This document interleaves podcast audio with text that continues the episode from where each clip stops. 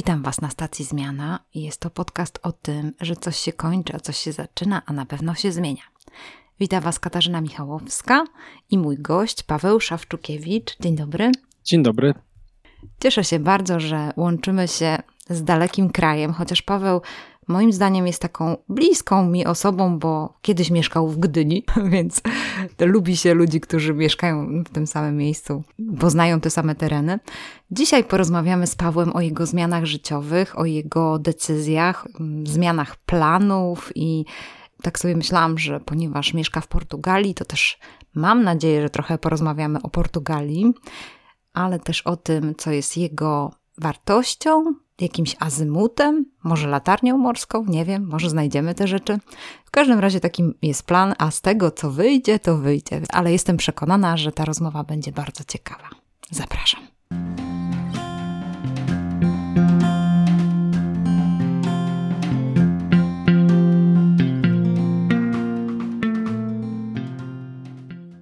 Dzień dobry, Pawle. Witam cię serdecznie z Gdańska.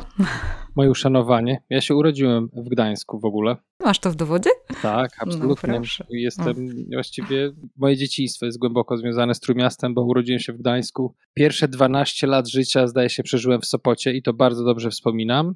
Później kolejne 10 w Gdyni. To trochę mi się mniej podobało w Gdyni niż w Sopocie. Ciekawe. A gdzie kończyłeś studia? W Gdańsku. O, proszę, gdzie? Na Uniwersytecie Gdańskim? Tak, Uniwersytet Gdański, Wydział Prawo i Administracja. Skończyłem prawo w 2002 roku i tego samego dnia wsiadłem w pociąg, a na drugi dzień poleciałem do Portugalii po raz pierwszy tak na stałe, powiedzmy. Wtedy spędziłem 3 lata. Co to za pomysł?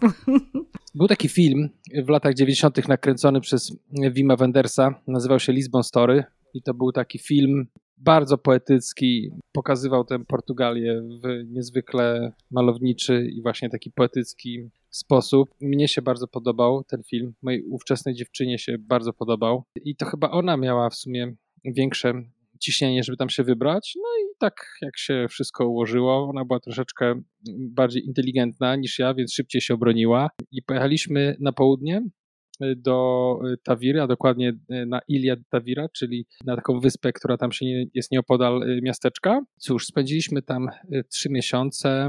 To było takie pierwsze miejsce, które nam wpadło w oko wcześniej, bo przez parę wcześniejszych lat jeździliśmy. No i trzy miesiące mieszkaliśmy na plaży zmywaliśmy szklanki i cieszyliśmy się beztroskim, hipisowskim życiem.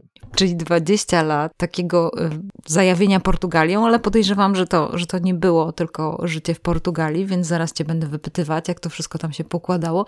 Więc pierwsza decyzja życiowa, kończysz studia, jedziesz do Portugalii i tutaj, rozumiem, zachęcony przez kogoś i zachęcony filmem. Pogoń za marzeniami. Można to tak nazwać? Ja bardzo lubiłem lato. Lubiłem przebywać w miejscach, gdzie jest ciepło. Podobały mi się wszystkie biblijne filmy, bo tam zawsze wszyscy chodzili ubrani lekko, a ci rzymscy żołnierze śmigali w sukienkach i w tych zbrojach z krótkim rękawkiem. A do tego fascynowały mnie zawsze miejsca, gdzie czas wolniej trochę płynie, a jeszcze się zatrzymuje. Zresztą jak byłem młody, to Polska była takim miejscem, ale później dosyć gwałtownie przyspieszyła, więc y, ta Portugalia wydawała się być takim naturalnym miejscem. I pamiętam dokładnie ten moment, kiedy myśmy tam jeździli przez parę lat wcześniej y, stopem przez całą Europę i najpierw to była Francja, była takim miejscem docelowym, później Hiszpania i pamiętam dokładnie tak jakby to było wczoraj, kiedy wsiadłem w prom w Villarreal, to się nazywa to miasteczko na południu w Hiszpanii i wysiedliśmy po drugiej stronie i weszliśmy y, już na terytorium Portugalii, weszliśmy na stację kolejową i to było takie zderzenie, to była taka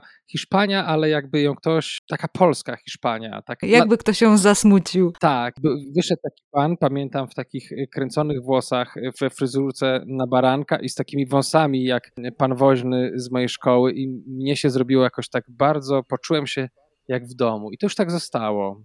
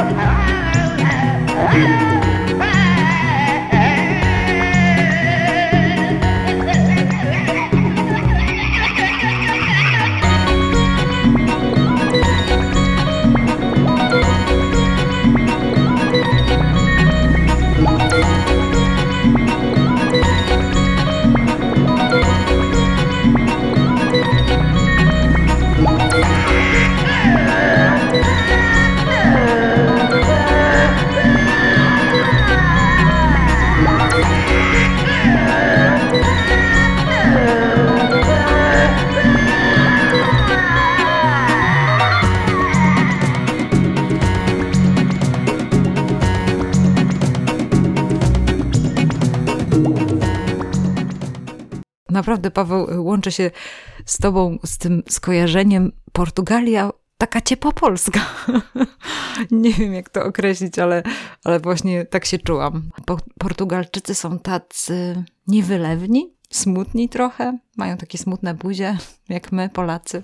W mojej głowie ten obraz ich i wizerunek się ciągle zmienia. Dzisiaj uważam, że oni jednak są bardziej pogodni, ale oni są tacy, może nie smutni, oni są tacy nostalgiczni. Mhm. Mam takiego kolegę, Francuza, z którym tutaj dużo działaliśmy, on też mieszkał bardzo długo w Portugalii. I on, no i on jest taki, że on, on kocha tę Portugalię i kocha tych Portugalczyków i chciałby tu żyć, ale z drugiej strony zawsze był chory na taką nostalgię w stosunku do, do swojej rodzimej ziemi i miał taki charakter, ich ciągle krytykował i lubił bardzo opowiadać i porównywać Portugalczyków do Hiszpanów, porównywać flamenco do fado. I właśnie to miało oddawać tę, tę duszę taką lusofońską, taką stricte portugalską. I ta nostalgia jest my też kochamy nostalgię i patos też kochamy i oni też kochają patos i wąsy kochamy i oni też kochają wąsy i mamy też kompleks wielkiego mm, mocarstwa koło nas, które nas najechało i, i oni też to mają i kochamy naszą tradycję, jesteśmy dumni, więc to są takie punkty styczne między Polską i Portugalią, natomiast w takiej codzienności to ja mam takie zdanie, że oni jednak są e, bardziej pogodni niż my. Inaczej jest mieszkać nad ciepłym morzem. No, naprawdę.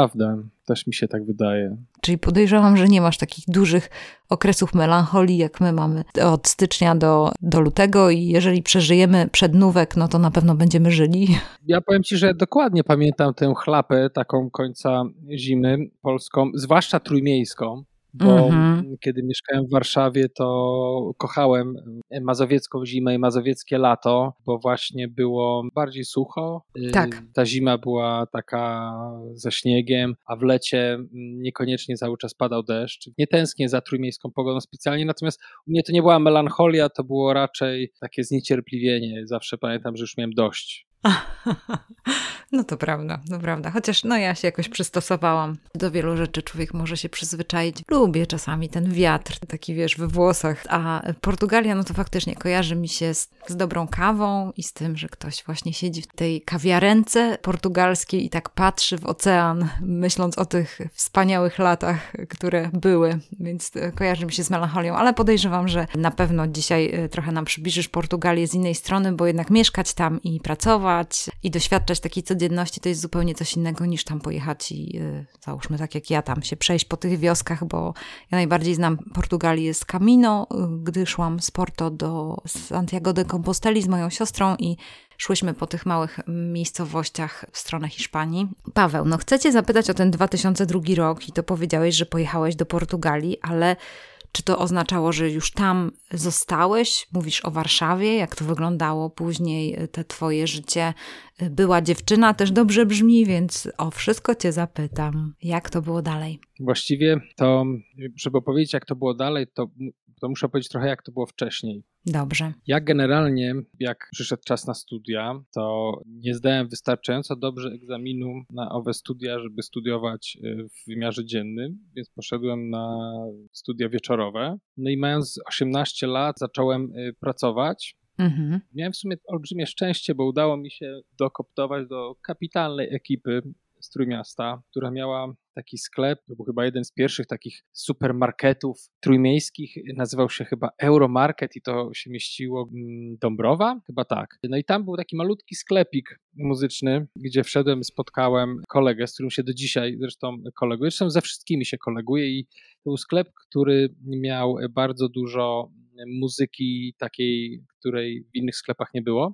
Mhm. Było dużo muzyki świata, było dużo jazzu, było dużo różnych ciekawych rzeczy. Ja już zawsze byłem zahaczony, ta muzyka mnie prześladowała od właściwie odkąd pamiętam tak naprawdę. No i tam zacząłem pracować. Gdzieś tam udało mi się złapać różne kontakty. W momencie, kiedy właśnie ta moja ówczesna dziewczyna, nie powiedziałbym, że zmusiła mnie, ale mnie skłoniła do tego wyjazdu, to ja wtedy przeżywałem najlepsze lata swojego życia, będąc młodym, dynamicznym DJ-em niszowej muzyki. Naprawdę, to było kapitalne, bo mnie się udało złapać kontakt y, z pewną włoską grupą z Rzymu, która sprowadzała takie malutkie siedmiocalowe single z Jamajki. To w ogóle było fascynujące, ten sam format, nośnik, jak i te wszystkie historie, które wtedy poznawałem. No i jeździłem po, po różnych klubach w Polsce i przecierałem szlaki czegoś zupełnie nowego. Byłem na tyle biegły w temacie, że jak mhm. pojechałem do Portugalii, to to zdefiniowało moje kolejne lata już bycia tam i to, jak tę Portugalię przeżywałem, jakich ludzi spotykałem. I, i dlatego to zawsze było i pewnie będzie takie ważne, bo nie pojechałem i z miejsca właśnie wskoczyłem w taki tryb życia nocnego. Poznałem mnóstwo ludzi, którzy byli DJ-ami, ale właśnie jakichś takich odmian bardziej mhm. niszowych, mniej -hmm. mainstreamowych i to w pewien sposób no, ustawiło od razu cały, cały mój czas, który tam spędziłem. No i to był super czas. Bardzo mi się tam podobało. To była kapitalna Portugalia, zupełnie inna niż dzisiaj. Y, taka Portugalia trochę przykryta kurzem, gdzie czas leci wolno, która była pełna sprzeczności. Te miejsca, które dzisiaj są takimi centrami turystycznymi, to były niezwykle pełne kolorytu, nieoczywiste miejsca. Alfama, Kajs Sodre, Bairro Auto, tam gdzie blichtry, bohema i gangsterzy i prostytutki i czasami europosłowie z różnych krajów anglojęzycznych gdzieś spotykali się na ulicach i to był taki melting pot, który no ile razy opowiadam o tym, to wydaje mi się, że miałem takie szczęście, że mogłem po prostu zobaczyć tę rzeczywistość z tamtego okresu. To było niezwykle ciekawe i takie barwne.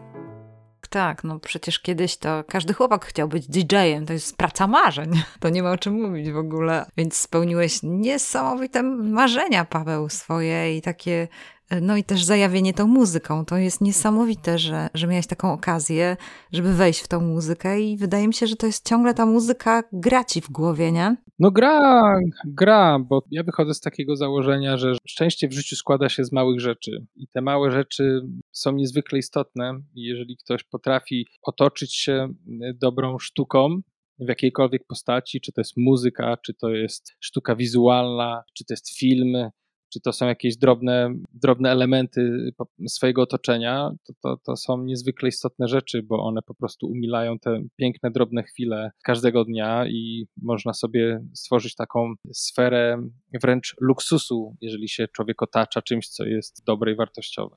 No dobra, Paweł, no idziemy dalej e, w Twoje przygody, czyli tutaj e, DJ i ta muzyka, która tak naprawdę no, ukształtowała twoje życie też zawodowe, bo, bo z tą muzyką jesteś związany, prawda? To jest jakoś, y, czy to w ogóle się da z tego żyć? Czy można z tego żyć? Otóż ja byłem pełen dystansu co do tego, czy można z tego żyć. Mhm. A wręcz nie, chyba byłem przekonany zawsze, że nie można z tego żyć. Natomiast pasja jest pasją, no nie? Mnie się wydaje, że to jest najważniejsze, jeżeli to jest prawdziwa pasja. Y, to nigdy nie był mój chleb, nie był związany z muzyką. Y, to zawsze była jakaś druga rzeczywistość, dzięki której mogłem przechodzić jakąś taką niekończącą się terapię od y, codziennego stresu, od jakiejś takiej, po prostu, żeby nie żyć w nudny sposób. No nie? Więc ja nigdy nie żyłem z muzyki jako tako. Mhm. To nigdy nie było moje źródło utrzymania. To zawsze był to zawsze był mój, luks, mój luksus, który kształtował mój styl życia w dużej mierze. No i, i, taki też był mój wybór, bo ja nie chciałem nigdy żyć z muzyki jakby za wszelką cenę. Musiałbym zmienić y, zupełnie muzykę, y, którą się interesuję, a ja jestem chronobrny i uparty i nie chciałem tego robić, więc gdzieś tam szybko dobiłem do sufitu w mojej małej działce. Zorientowałem się, że, że kokosów z tego nie będzie, ale terapia będzie znakomita, bo czy w ogóle kiedy występuje się przed, przed ludźmi, kiedy dojdzie się do takiego momentu, że czuje się, że się to robi dobrze i, i ci ludzie są szczęśliwi, ten człowiek, który to robi, jest szczęśliwy, to to jest taka niekończąca się terapia. Od razu człowiek łapie całą potrzebę skierowania uwagi innych na siebie. Ja uważam, że każdy, kto w jakikolwiek kontekście wchodzi na scenę, jest jakimś tam egocentrykiem i później zamiast męczyć ludzi, żeby ciągle świecić ja, ja, ja i opowiadać nieśmieszne dowcipy przy wigilijnym stole czy przy jakichś tam imieninach u cioci, no to lepiej właśnie wskoczyć gdzieś tam na scenę, powygłupiać się, dać ludziom trochę radości i wrócić do domu i, i nakarmić się trochę, dorzucić dopaminy. Natomiast ja miałem szczęście o tyle, że stworzyłem sobie taką formułę, która oprócz tego, że mi dawała dużo radości, to jakoś w pewnym momencie w Warszawie w latach gdzieś tam 2010 do 2000, nie wiem, 18 może. Mhm. Była taka formuła, która przyciągnęła dosyć dużo osób. Myśmy robili z przyjaciółmi takie imprezy cotygodniowe w takim małym klubie, przez który przewinęli się no, wszyscy ludzie, którzy uczestniczyli wtedy w nocnym życiu w Warszawie. Mniej, bardziej znani i każdy, kto się tam zahaczył, to się zahaczył dlatego, bo, bo to było jednak fajne, wyjątkowe miejsce, gdzie było zupełnie inaczej niż we wszystkich innych klubach i gdzie była naprawdę fajna, wyjątkowa atmosfera i te imprezy były fajne, wyjątkowe. Teraz, kiedy już jestem o te parę lat starszy i kiedy raz, czasami dwa razy w roku gdzieś robimy sobie takie, taką, organizuję taką imprezę, to przychodzi te 100 plus osób i okazuje się, że to niejednokrotnie są osoby, które się poznały, już się pożeniły, tam dzieci są i, i całe historie przyja przyjaźni i tak dalej, i tak dalej. No to jest miłe bo to jest też taka grupa specyficzna osób, bo tak jak mówię, to ja nigdy nie robiłem nic, co byłoby mainstreamowe. To zawsze była mhm. taka nisza, ale bardzo, ale bardzo specyficzna i to, że udało się to sprzedać w cudzysłowie szerzej i że zainteresować tym i nagle każdy mógł zanurzyć czubka, czubek palca w tej Jamajce, która mi taka była bliska, y, no to jest po prostu olbrzymia satysfakcja i jak sobie przeglądam zdjęcia, no to, to czuję się znakomicie, że gdzieś tam przeżyliśmy coś wspaniałego, co nam po prostu nikt nie zabierze. W ogóle jak tak mówisz o tym, to od razu mi się skojarzył pewien tekst, y, przeczytam ci, a później powiem, kto to napisał. Nie musiałem spać długo, mogłem w ogóle nie spać, bo moje miasto nie spało. Każde miejsce było mi znane. Warszawskie ulice, kluby, autobusy i taksówki. Ulice były pełne butelek, kapsli, zdeptanych papierosów.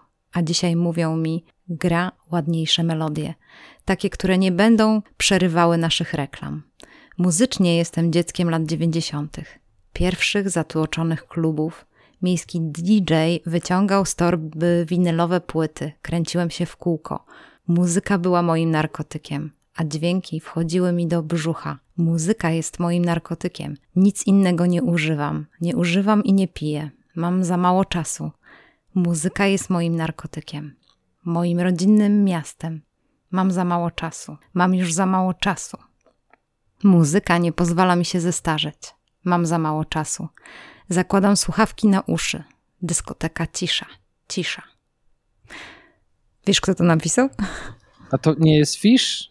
Tak, tak, właśnie. Tak. Od razu mi się skojarzyło, po prostu jak o tym powiedziałeś. Mam za mało czasu. Ciekawe. No to jest ciekawe. Ja też mam za mało. No dobra, Paweł, no to czyli ty, rozumiem, kursowałeś przez te lata pomiędzy Warszawą i Portugalią?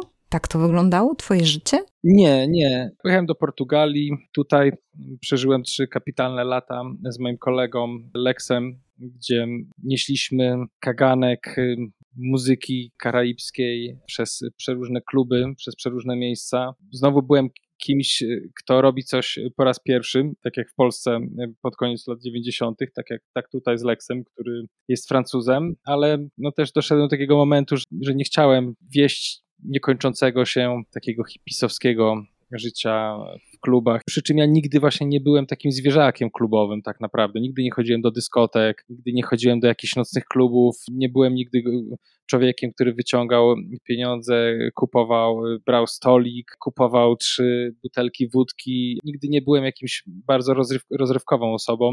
Nie prowadziłem takiego nocnego życia, tylko po prostu lubiłem chodzić i grać tę muzykę, którą kochałem i robić to w nietuzinkowy sposób.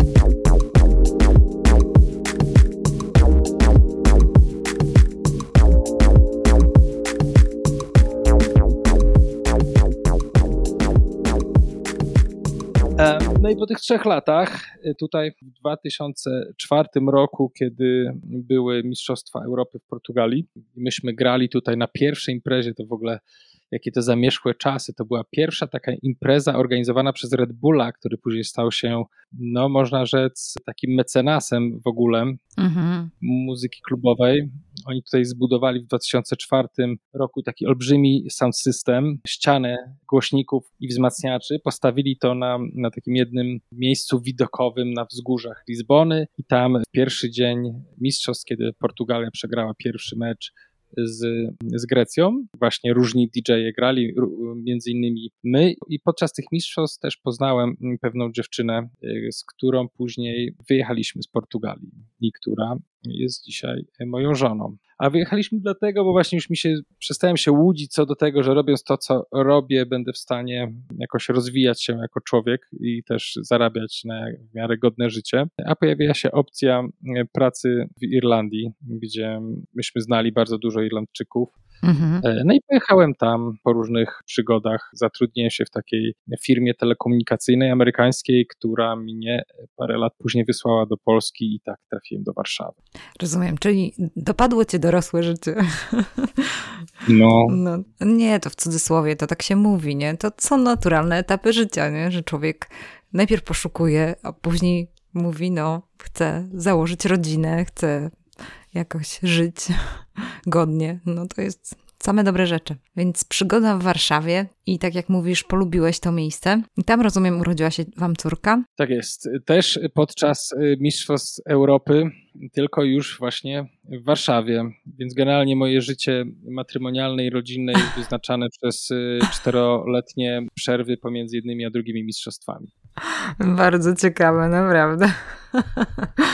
No i jak wam się mieszkało w Warszawie? Tęskniłeś za tą Portugalią? Wiesz co, mhm. ja już mhm. trochę zapomniałem, jak to jest w Portugalii, a ponieważ cierpiałem niezwykle w Irlandii, mhm. to Warszawa to dla mnie była ziemia obiecana. I to mhm. w ogóle był świetny moment, moim zdaniem, dla Warszawy. Tak jak zawsze byłem bardzo szczęśliwy, że mogłem być w Portugalii na początku lat 2000 i patrzeć na to niezwykle barwne życie ulic w Lizbonie, między innymi też uczestniczyć. Ostatnio spotkałem kolegę i sobie wspominaliśmy. Przez przypadek spotkałem go na e, manifestacji pod ambasadą rosyjską po 20 latach i właśnie on jest lokalnym artystą i wspominaliśmy sobie, że to były takie kluczowe lata dla portugalskiego hip-hopu. To te lata, druga dekada lat 2000 w Warszawie to był kapitalny czas, naprawdę. Mhm. Y, ja mam takie, oczywiście pewnie trochę romantyzuję to, ale mam takie wrażenie, że wtedy było mnóstwo ludzi, którzy chcieli bardzo dużo rzeczy robić. Naprawdę bardzo dużo się działo. To są też momenty takie, których powstała na przykład y, właśnie Polskie Radio Czwórka, mhm. kiedy rozwijał się niezwykle dynamicznie festiwal Skrzyżowanie Kultur, gdzie powstawały kolejne festiwale filmowe. No naprawdę ta Warszawa była wtedy kapitalna. Ja zakochałem się w tym mieście z miejsca i mnie się naprawdę bardzo dobrze żyło w Warszawie. Do dzisiaj czuję się bardzo związany. Nie wiem, czy nie czuję się szczerze mówiąc bardziej związany z Warszawą niż z Gdynią, mhm. Y, z której wyjechałem. I pewnie już też więcej lat swojego życia spędziłem w Warszawie niż w Gdyni więc to na pewno jest czynnikiem, który się przyczynia do tego. No i przede wszystkim tego dorosłego życia, ale fajnie wspominam y, ten czas i mam niezwykły sentyment do Warszawy. To jest takie moje miasto, rzekłbym nawet, jeśli chodzi o Polskę. Stoi trasa toruńska, stoi także Lubomirskiego. Stoi prymasa tysiąclecia, stoi też Broniewskiego. No właśnie. Stoi wybrzeże gdańskie, no bo to korki w Warszawie.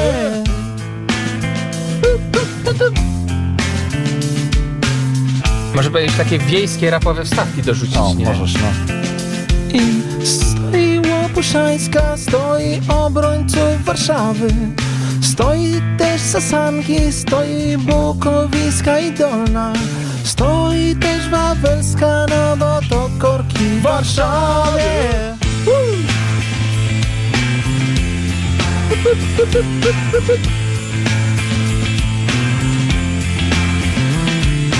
Stoi Wamie Zeszyński, stoi Danów Zjednoczonych. Stoi Waszyngtona, stoi także dusza serów Nie jedź Bentleyem lub Maserati. Pojedź rowerem, mimo że strasznie zimno. Stoją korki w Warszawie. Stoją korki w Warszawie Teraz solówę gra, tak? Tak. Na Maserati? A właśnie też tak chcę nakreślić te twoje życie, czyli pracowałeś w firmie telekomunikacyjnej i zacząłeś pracować w radiu? Y, nie, to było mm -hmm. tak, że wróciłem do tej Warszawy. Mm -hmm. Ja na mhm. początku taktowałem pomiędzy y, Dublinem i Warszawą, ale już wtedy mnie wszyscy jeszcze pamiętali z, z moich wszystkich ekscesów muzycznych z końca lat 90 to, to był taki mo moment też, kiedy wykluwała się nowa szkoła wszelkich tych ludzi, którzy byli zafascynowani właśnie kulturą jamańską. To były najpierw zespół Wawa Muffin, Pablo Paweł, który jest do dzisiaj aktywnym i -hmm. niezwykle płodnym muzykiem, East West Rockers, Marika, e, która też wyszła z tego, brzydkie słowo, środowiska, ale gdzieś tam e, zawinęła kilka piruetów w ogólnie pojętej branży rozrywkowej, Junior Stress. No to jakby ja tych wszystkich ludzi gdzieś tam znałem wcześniej, no więc trochę wracałem do domu i wśród przyjaciół i naturalne było to, że, że wrócę jakby do tej swojej działalności muzycznej. Akurat wróciłem z takim przytupem, bo robiłem te imprezy, o których tam wcześniej wspominałem. Później dostaliśmy nawet nagrodę, nocne marki za te imprezy i pewnego dnia dostałem taki telefon, że no, że ktoś tam słuchał nas w polskim radiu, ktoś tam właśnie był u nas w klubie i że się podobało i czy byśmy nie chcieli przyjechać na jakieś demo, żeby zrobić tam. No i zrobiliśmy i trzy tygodnie później dostaliśmy propozycję z kolegą juniorem Stresem, żeby prowadzić audycję, ale to też po prostu była taka działalność gdzieś tam na boku ja cały czas. Nigdy nie, nie zrezygnowałem z etatu. Mhm. Zawsze żyłem w rozkroku. E, z jednej strony chodziłem do pracy, zarabiałem pieniądze, a z drugiej strony, tak jak to lubię powtarzać, y, przechodziłem swoją terapię, żeby nie niszczyć mojej mamie wigilii i moim ciociom wszystkim imienin, opowiadając jakieś turne dowcipy. Po prostu grałem te imprezy, było kapitalnie, wszyscy byli szczęśliwi. Ja dostawałem e, odpowiednią dawkę adrenaliny, dopamin czy czegokolwiek i byłem szczęśliwy. A to jest ciekawe w ogóle, Paweł. Tak mi się tak nasuwa, to takie wiesz, zastanawia mnie to, nie? Że jednak, nie wiem, teraz chyba jest tak, że młodzież to by poszła tylko w tą pasję. A skąd to jest tak w tobie zostało, że jednak wiesz, ten etat, a tutaj pasja, nie? Że jednak te, te dwie strony, to chyba jednak jest taka obowiązkowość, nie? W człowieku, czy coś takiego, no nie wiem. tak, tak się zastanowiłam nad tym. Inne czasy, Wiesz, no dla kogoś z mojego pokolenia, gdybym ja przed mojej mamie powiedział, słuchaj, to ja już nie będę chodził na studia prawnicze, tylko teraz będę chciał robić muzykę i wiesz, ja pewnego dnia z tej muzyki, to ja coś osiągnę w tej muzyce i ja będę z tego żył, to moja mama po prostu y, by się zapłakała chyba. No i też jakby te sposoby popularne słowo teraz monetyzacji też były zupełnie inne i to była mm-hmm. zupełnie inna rzeczywistość, a tak. my też, y, no i tak, i kropka. I to chyba przede wszystkim przede wszystkim jest to, bo gdybym ja być może zagrał 100%, jakby zagrał w bank, żeby właśnie zająć się tylko muzyką, gdybym miał więcej jakichś takich możliwości, no to są też czasy, kiedy dzisiaj jakby każdy mając przeciętnie mm, mocnego laptopa, y, dwa mikrofony, jeden kontroler MIDI, ma już studio i może robić produkcje takie na takim poziomie, jak lecą w radiu. Kiedy ja miałem 20 lat, to żeby nagrać y, jeden utwór, mm, który chciałem nagrać, to musiałem wypożyczać cztery instrumenty, bukować studio, które wtedy było bardzo drogie i, i, i, zmieścić się ze wszystkim w jeden dzień, więc to po prostu inne czasy są. Tak, tak. Teraz my możemy usłyszeć Mamo, nie pójdę na studia prawnicze, bo chcę być instagramerką albo youtuberką. No i Mata. prawdopodobnie dziecko się utrzyma. Mata przecież jest doskonałym przy, przykładem. Mm-hmm. Jego ojciec, y, prawnik, y, powiedział, że chce być raperem, y, a jego ojciec wspierał go od samego początku w tym i myślę, nie, nie wiem tego, ale nie zdziwiłbym się, gdyby też nie, nie miał jakiegoś udziału, żeby nakreślić mu plan strategiczny, bo główna różnica taka w rzeczywistości to wydaje mi się jednak, że w ogóle podejście do wszystkiego, co się robi, bo kiedyś po prostu jak ktoś chciał być artystą, no to, to chciał prowadzić jakąś działalność twórczą i być, nie wiem, częścią jakiejś bohemy i prowadzić sobie wyskakowe życie artysty, a dzisiaj jeżeli ktoś staje się, nawet to już się nie mówi artystą, tylko twórcą, mhm za, za tym idzie jakiś, jakaś strategia e, monetyzacji, no w ogóle jakaś strategia po prostu budowania brandu, monetyzacji i tak dalej. To jest główna różnica e, w kontekście rzeczywistości, jakby jak, jak uformowane są te szare komórki w, i podejście do tego, co się robi w głowach tych młodych ludzi w kontekście, jakby w porównaniu do tego, jak to było no właśnie 20 lat temu. I to nie jest ani lepsze, ani gorsze, tylko jest po prostu inne. To jest inne, masz rację. Paweł, teraz chciałam Cię zapytać. Dobra, widzę tego Pawła, który prowadzi te podwójne życie, no bo takie czasy i tak, tak trzeba żyć. Y, tak trzeba żyć, tak, tak się żyło. Nie wiadomo, jak się będzie żyło za 10 lat, nie? Bo też nie wiadomo. Każdy teraz scenariusz jest możliwy, więc może być różnie i niekoniecznie taki Mata będzie miał y, swoich y, zwolenników. Może teraz jacyś inni idole przyjdą. Ale jak u ciebie? No i co dalej? Czemu jednak zdecydowaliście się na to, żeby się przeprowadzić do Portugalii? Czy was COVID zaskoczył? Ach, no to jest takie wielo, mhm. wieloskładnikowe, wie, mhm. wieloczynnikowe. Natomiast y, myślę, że najsmutniejsze jest jednak w tym wszystkim to, że y, i kurczę, no muszę to powiedzieć, mimo mhm. że, że zawsze wzbraniam się w ogóle przed, przed rozmowami tego typu, ale no prawda jest taka, że po wyborach, ile to, 8 lat temu, czy już więcej, mhm. może troszkę mniej, może 7 lat temu, wiele się zmieniło w Polsce. Y, Moja żona ma korzenie afrykańskie, więc łatwo było ją zidentyfikować jako w cudzysłowie obcego. I naprawdę ta zmiana w kontekście odbioru obcokrajowców y, była błyskawiczna. I mhm. ona przeszła tyle zupełnie niemiłych sytuacji, zupełnie no, takich obciążających. I on, mógłbym opowiadać o tym, ale to jest jakby smutne i właściwie już nie ma znaczenia, bo już nas tam nie ma. No i jakby u niej ta miarka się przelała. Więc kiedy przyszedł COVID i de facto ja pamiętam, wracałem wtedy no, dwa lata temu, no nie? Bo to dokładnie dwa lata temu byłem jeszcze na Jamajce. Mhm. Użyczając swojego doświadczenia i kontaktów y, pewnemu producentowi z Polski, wsiadając do samolotu, już wiedziałem, że ja wró że wrócę i będziemy musieli zamknąć nasz pieczołowicie rozwijany biznes, bo mieliśmy taki biznes związany z turystyką i z akomodacją i z turystyką w Warszawie. No, wiedziałem, że to jakby że to jest teraz moment, kiedy trzeba podjąć decyzję, albo trzeba to zamknąć i po prostu i, i, mówiąc brzydko, wykorzystać ten moment, że nikt nie wie do końca w ogóle, co się dzieje. Trzeba będzie grać w bank albo próbować jakoś to ciągnąć. Myśmy się zdecydowali na to, że jednak po prostu to zamykamy, no i tak sobie siedliśmy.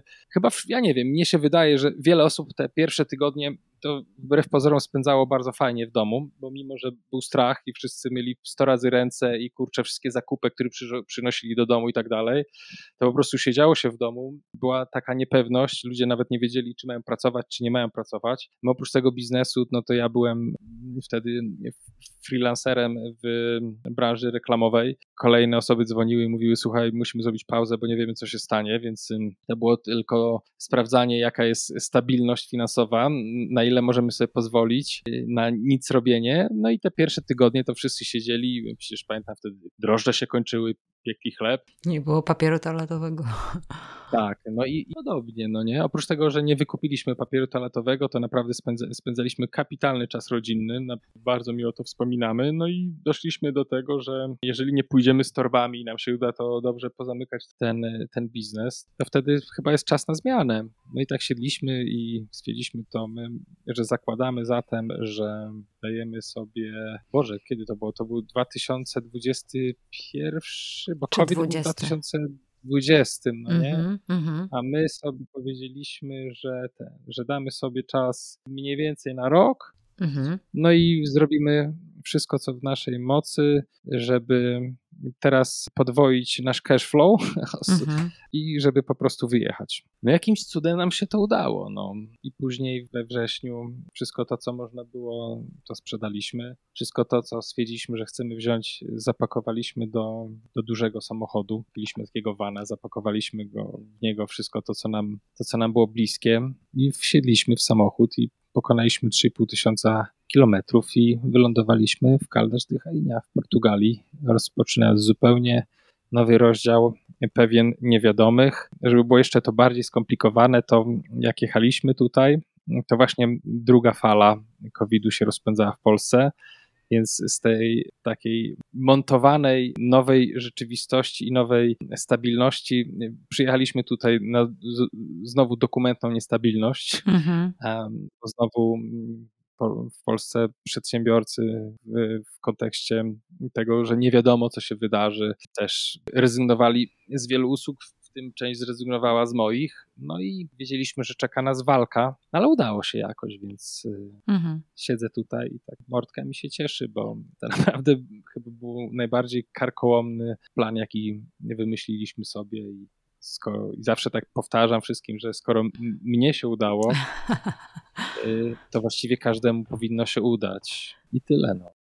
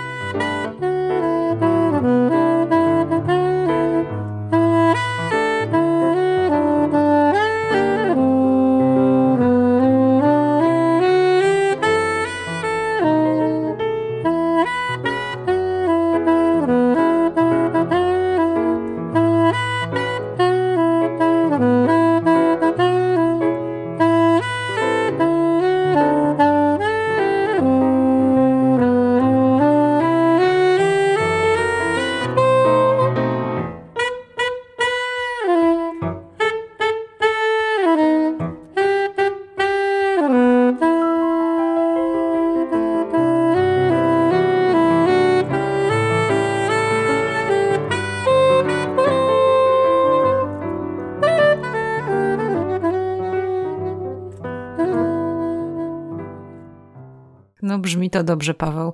Brzmi to dobrze, bo tak sobie myśl, wyobrażam to sobie, że faktycznie jechaliście w nieznane, a to nieznane jeszcze przemieniło się w jeszcze większe nieznane, bo nikt nie wiedział, co będzie z COVID-em i to w marcu 2020 roku y, zaczęły się straszne, już ta taka panika, zamykanie miast, lockdowny i różne tego typu sprawy. We Włoszech też, pamiętasz, cała się przetoczyła batalia. Nie wiem, czy w Portugalii było też tak bardzo źle, jeżeli chodzi o zakażenia, ale wy jakoś przeżyliście, daliście radę, nie? Tak. I teraz jak sobie przypomnę, to Mhm. nie, to przecież to był marzec, a myśmy pojechali pół roku później. Myśmy mieli jechać 31 września, Mhm. ale nie pojechaliśmy 31 września, bo ja 30 września źle się poczułem, poszedłem zrobić test i się okazało, że złapałem COVID-a, Oż ty. więc żeśmy się musieli wypakować na 10 dni. Chociaż pamiętam, że miałem, czułem ulgę, byłem wtedy strasznie zarobiony. Pomyślałem sobie, dobra, to ja przynajmniej te 10 dni to siądę na drobie zaległości. Mhm. I, I tutaj trafiliśmy tak naprawdę na najgorszą falę, to trafiliśmy tutaj y, w styczniu, była 2021 roku, ale to już była taka rzeczywistość, że szczerze mówiąc, jakby, no właśnie, ja nawet tak czasami, jak mówię o tym, jestem bardzo zadowolony z tej decyzji i jestem tutaj bardzo szczęśliwy i lubię o tym opowiadać, że to nie zawsze, do, nie, nie myślę, że to na 100% do końca jest sam fakt zmiany jakby kraju, chociaż ja bardzo lubię Portugalię i tutaj mógłbym o, o godzinami opowiadać, dlaczego lubię tę Portugalię, ale też to, że myśmy jednak z centrum dwumilionowego miasta przenieśli się na obrzeża 50-tysięcznego miasta Mhm. bardzo taką prowincjonalną rzeczywistość i nagle, kiedy zapuściliśmy tutaj korzenie, to się okazało, że nam jest tutaj bardzo dobrze. I taka perspektywa nawet siedzenia przez półtora miesiąca w domu z tą szkołą online i tak dalej, i tak dalej, to nam w sumie jakoś to tak nie przeszkadza i w ogóle jest fajnie. I tę prowincję coraz bardziej lubi. E, kryzysy, które nastąpiły, one były w gruncie rzeczy czymś dobrym, że was przeprowadziły przez ten okres takiego wejścia do nowego państwa, czy przeprowadzki, e, tak jak mówisz, nie? Ta szkoła online, czy te zamknięcie, czy to, że mogliście być w domu razem, to są takie elementy, które umożliwiły wam zapuścić korzenie, niż to, żeby właśnie się czuć jakoś niepewnie, czy niebezpiecznie, więc to jest ciekawe, nie? Że czasami kryzysy też one działają na plus, nie? Że w gruncie rzeczy to e, bardzo dobrze działają w naszym życiu, mogą zadziałać. Fajne to jest, jak się patrzy wstecz, że, że to było coś dobrego. To jest dosyć w ogóle złożony, złożony temat. Natomiast ja to wychodzę z założenia, że po prostu, chociaż może też mam dużo szczęścia, bo jestem załadowany po uszy jednak taką wolą walki takiej nieustępliwości i jakichkolwiek błędów nie popełniam i jakkolwiek się rzeczywistość układa źle, to oczywiście jak każdy mam takie momenty, że mam dość,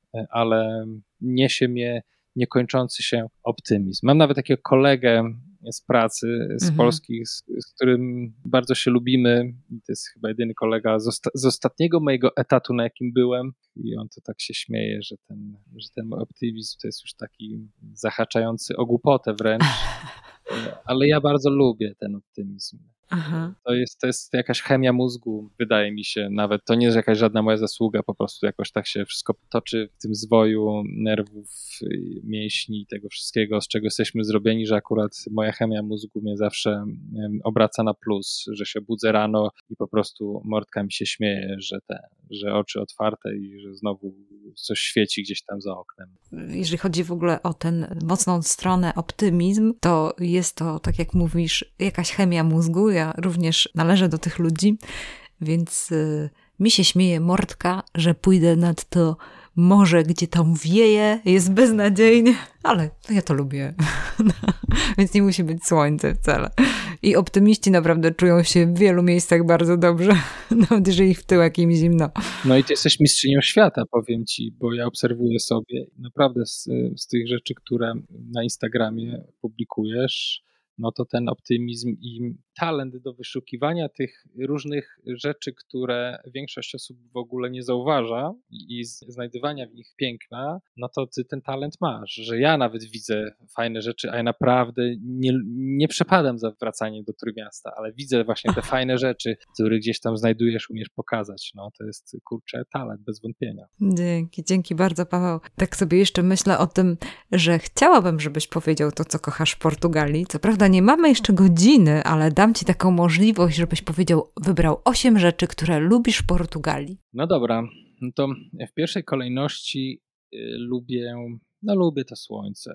To jest naprawdę coś fantastycznego i ta moja tęsknota od dziecka nie była bez powodu. Lubię zażywać witaminę D w formie naturalnej, właśnie y, pod postacią świecącego na moją twarz słońca. Mam więcej energii dzięki temu. Y, mogę spać godzinę krócej niż w Polsce, a budzę się z, z, takim samym zasobem energii. To przekłada się na całą masę fantastycznych rzeczy, na przykład tego, że można przez cały rok sobie w szklarce hodować pomidory. To jest mhm. taka drobnostka, która jest po prostu dla mnie absolutnie fenomenalna i to słońce jest kapitalne. Tego słońca jest najwięcej jeśli chodzi o całą kontynentalną Europę. Nie ma żadnego miejsca w Europie, gdzie byłoby więcej słońca niż w Portugalii. W Faro, mm. na południu Portugalii, do tego słońca jest w ogóle więcej niż w wielu miejscach, które się ze słońcem kojarzą. Bo na przykład ilość słońca liczy się w godzinach w skali roku. Więc na przykład w Faro, gdzie jest chyba, o ile dobrze pamiętam, 3020 godzin słońca w roku i to jest raptem niecałe 100 godzin słońca więcej w roku niż na przykład w Obidusz nieopodal mnie. No ale w Faro jest 198 godzin słońca więcej niż w Zanzibarze. No proszę. Niż w dwóch stolicach Afryki jest więcej słońca niż więcej godzin słońca niż w Rio de Janeiro w Brazylii, niż więcej niż w Bangkoku w Tajlandii i wielu, wielu innych miejscach. I to słońce naprawdę jest błogosławieństwem. Uwielbiam je, ładuje mhm. mnie dobrą energią, pozwala mi prowadzić ogródek.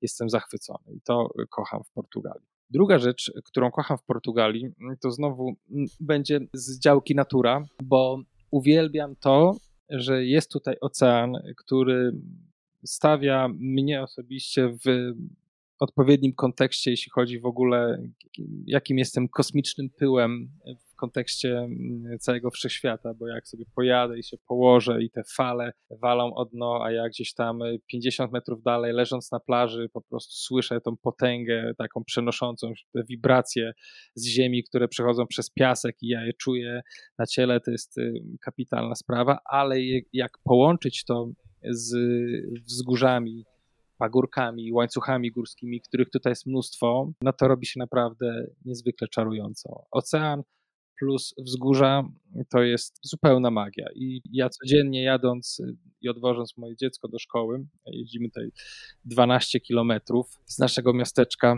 do szkoły wiejskiej, mhm. E, patrzę na te wzgórza, czasami zbaczam, żeby zahaczyć i zobaczyć ocean i po prostu codziennie, na razie półtora roku, ale nie nudzi mi się. I to jest wspaniałe. Trzecia rzecz jest też związana w dużej mierze jednak y, ze słońcem i z pogodą. To są te wszystkie płody rolne, e, które tutaj są i które no, są magiczne. Może dlatego, że, że, to, że ta trawa jest bardziej zielona zawsze po drugiej stronie płotu. Ja przyjechałem z Polski, może dlatego, ale nie wnikam w to. Ile razy idę w zimowy dzień, bo to jest sezon, kiedy dojrzewają cytrusy i widzę pomarańcze i mandarynki i cytryny na drzewach. No jestem zachwycony, naprawdę. Kiedy chcę sobie kupić wino i mogę pojechać i kupić wino w winnicy i podpytać i dowiedzieć się, jak oni je robią mm -hmm, i w jakich mm -hmm. beczkach je, w jakich beczkach ono tam dojrzewa, jakie są winogrona i dlaczego tak, a nie inaczej. To jest dla mnie fascynująca historia. Kiedy mogę pojechać do tłoczni oliwy i dowiedzieć się, dlaczego to musi być 27 stopni, tylko ta woda w tych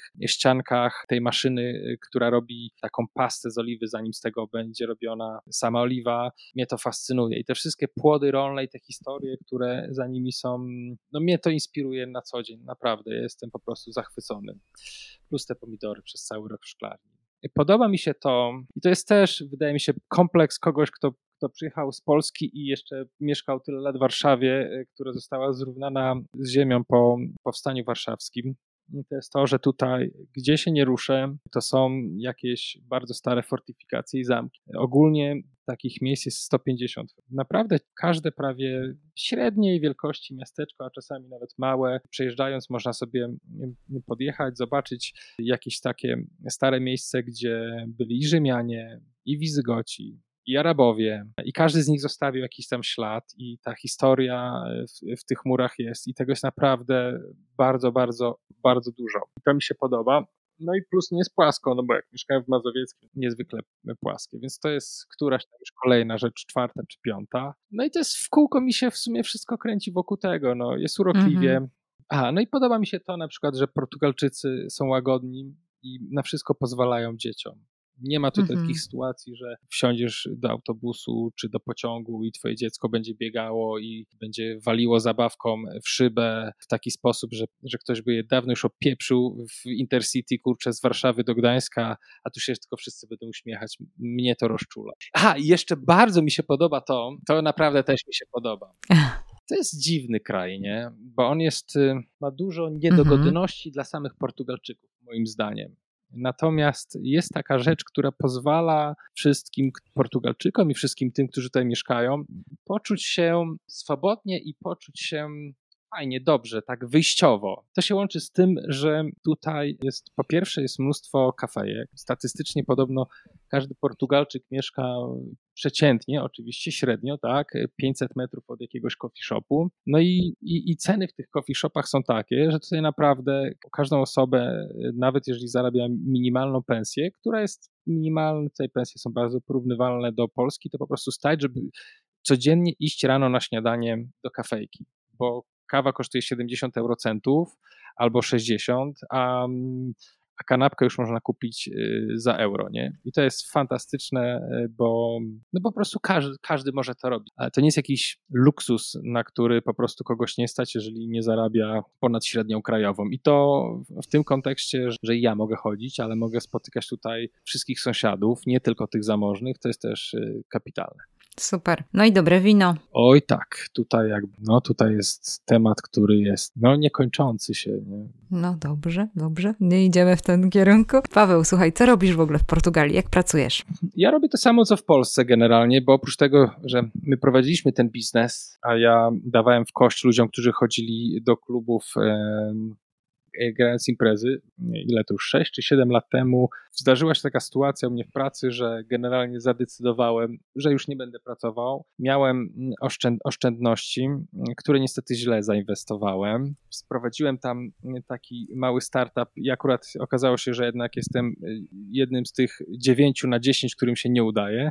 Mhm. To, to było i kosztowne, i bolesne na pewno, ale to obudziło we mnie takiego ducha. Ja postanowiłem już, że nie będę wracał na etat. Ponieważ y, przez ostatnie lata pracowałem z, z, no, z nowymi technologiami i gdzieś tam blisko y, pracy z danymi, no a prowadząc startup, no to człowiek jest jednoosobową maszyną do wszystkiego. Tak. Dobrze się czułem w, pracując z platformami reklamowymi online. No i postanowiłem, że to ja w takim razie zostanę specjalistą od, od, od tego. To w ogóle jakby zawziąłem się dlatego, bo wtedy, kiedy ten startup jeszcze miał inwestora i tak dalej, to tam jeden z inwestorów przyniósł taką opcję, żeby współpracować z pewną, no taką już dosyć dużą agencją marketingową, która naprawdę była bardzo droga, ale nie dowoziła. I ja w momencie, kiedy tam nie wszystko już szło tak, jak powinno iść, no to po pierwsze stwierdziłem, że sprawdzę, dlaczego oni nie dowożą, czyli musiałem szybko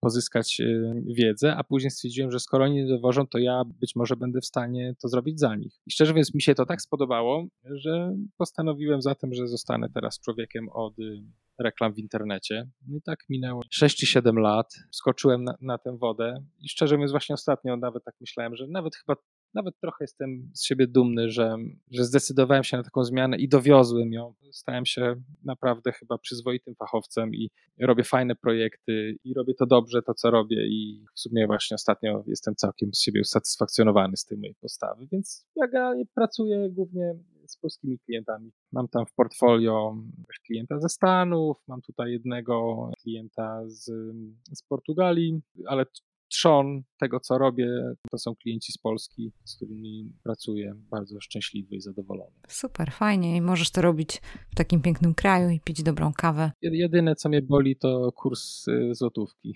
Tak, no to prawda. Ale nie jest źle. Nie 20 groszy na, na, na minus w dwa dni to jest dobry wynik. Jestem usatysfakcjonowany. Trochę, trochę byłem smutny, jak było po 5 zł. No tak, chociaż mo może jeszcze wiele się zmienić teraz, to nie wiemy, jak to będzie. Każdy scenariusz jest możliwy, to jest ciekawe. Nie, nie wiem nawet, jak będzie, jak puszczę ten podcast, jaka będzie sytuacja, to jest też ciekawe. Paweł, no tak lądujemy w naszej rozmowie. Jedną z rzeczy, którą tak mi się kojarzy z tobą, to właśnie to, co powiedziałeś, że szczęściu trzeba dopomóc yy, ciężką pracą, bo wydaje mi się, że jesteś zdeterminowany i po prostu pracowity, bo robienie tylu różnych rzeczy, ale z drugiej strony też odważny, no bo i ryzykujesz, i, i też jesteś y, odpowiedzialny, więc to jest naprawdę fajne. Odważny albo głupi po prostu. Albo głupi. Odwaga jest bardzo blisko głupoty, niestety. Chociaż mówią, że odwaga, taka definicja prawdziwa odwagi, to jest, że boję się, a robię tak właśnie myślałem sobie, opowiadałaś, od, jak, jak, słuchałem tych rozmów, ja nie znam jakoś bardzo dużo odpowiedzi na wiele pytań. Wydaje mm -hmm. mi się, mhm. że im starszy jestem, mm -hmm. to mhm. tym mniej znam odpowiedzi. No właśnie, staram się, ja mam taką chyba stare podejście jeszcze w ogóle do wszystkiego, co się robi, że staram się być wymagający w stosunku do siebie i staram się właśnie już być mniej odważny albo mniej głupi. No. Domena wieku, to jest domena wieku. Oby. No, oby. Jak myślę sobie o tym, żeby jakoś tak skomentować tą wypowiedź, tak wiesz, myślałam tam, wiesz, powiedzieć to czy tamto, to myślę sobie, że przeczytam drugą część piosenki. Piosenki monologu, który tak jakoś mi się skojarzył. Czasami czuję się, jakby świat zaczął mówić w jakimś innym, nieznanym mi języku. Zakładam słuchawki, głowa staje się lekka, opada swobodnie w przód, opada swobodnie w tył. Do płuc dostaje się świeże powietrze. Muzyka jest narkotykiem. Wyrzucam z szafy marynarki, wyrzucam białe koszule. Mam za mało czasu, żeby się stroić. Mam za mało czasu, by spełniać oczekiwania. W głowie zachodzą nieznane mi dotąd reakcje chemiczne. Barki, biodra, ręce zaczynają swobodnie falować. Widzisz, jak kręcę się po pokoju, nie tracąc rytmu? Ty też zakładasz słuchawki, zaczynasz falować razem ze mną. Ruch gęstnieje. Światło dostaje się do środka. Światło przebija rolety, przebija zasłony. Jakby ktoś wyłączył prąd i zasilił całe miasto. I nagle nie jesteśmy już biedni. Nie jesteśmy zmęczeni. Tak mi się skojarzyło. To ja nie wiem, kto to napisał. Tego nie wiem. Fiszemadę tworzyło piosenka. Posłuchaj sobie, naprawdę jest ciekawa. Dziękuję Ci, Paweł, bardzo za rozmowę. Dziękuję Ci za Twoją szczerość i za to, że chciałeś po prostu opowiedzieć na stacji Zmiana o Twoich zmianach. Wydaje mi się, naprawdę to jest inspirująca rozmowa. A to najbardziej zapamiętałam zdanie. Jeżeli Tobie się udało, to Tobie też się uda.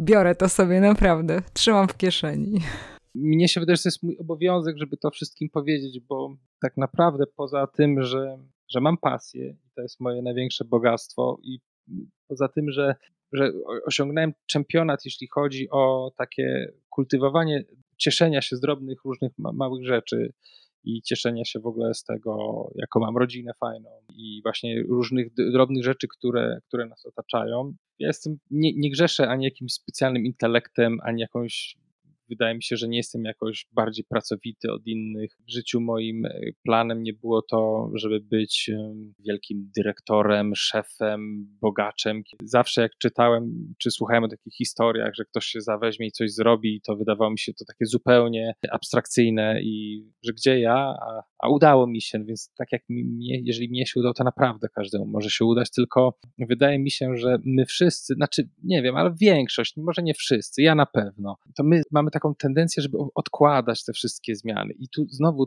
mój drugi wyjazd do Portugalii, to też ja pewnie bym jeszcze się z tym kurczę chodził i zastanawiał i drapał w głowę, a moja żona po prostu była zmęczona i jakby już mówiła, słuchaj, już nie szukajmy kolejnych wymówek, tylko zróbmy to. I po prostu wydaje mi się, że my jako ludzie mamy taką tendencję, że wydaje nam się, że nigdy nie jesteśmy wystarczająco gotowi na zmiany. I czasami trzeba się rzucić na tę głęboką wodę i nie jest łatwo, ale jeżeli taki właśnie zupełnie nie, niebłyskotliwy i nie jakiś nie, nie wyjątkowo, nie jakiś wyjątkowo utalentowany człowiek jak ja jest w stanie to zrobić, to każdy jest to w stanie zrobić. Dlatego tak, powinienem o tym mówić. Super. Bardzo Ci dziękuję. Bardzo Ci dziękuję, Paweł, za rozmowę i no, życzę Ci dobrego, miłego życia. I ja Tobie również. Dzięki za rozmowę i też wszystkiego dobrego i na zdrowie. Dzięki.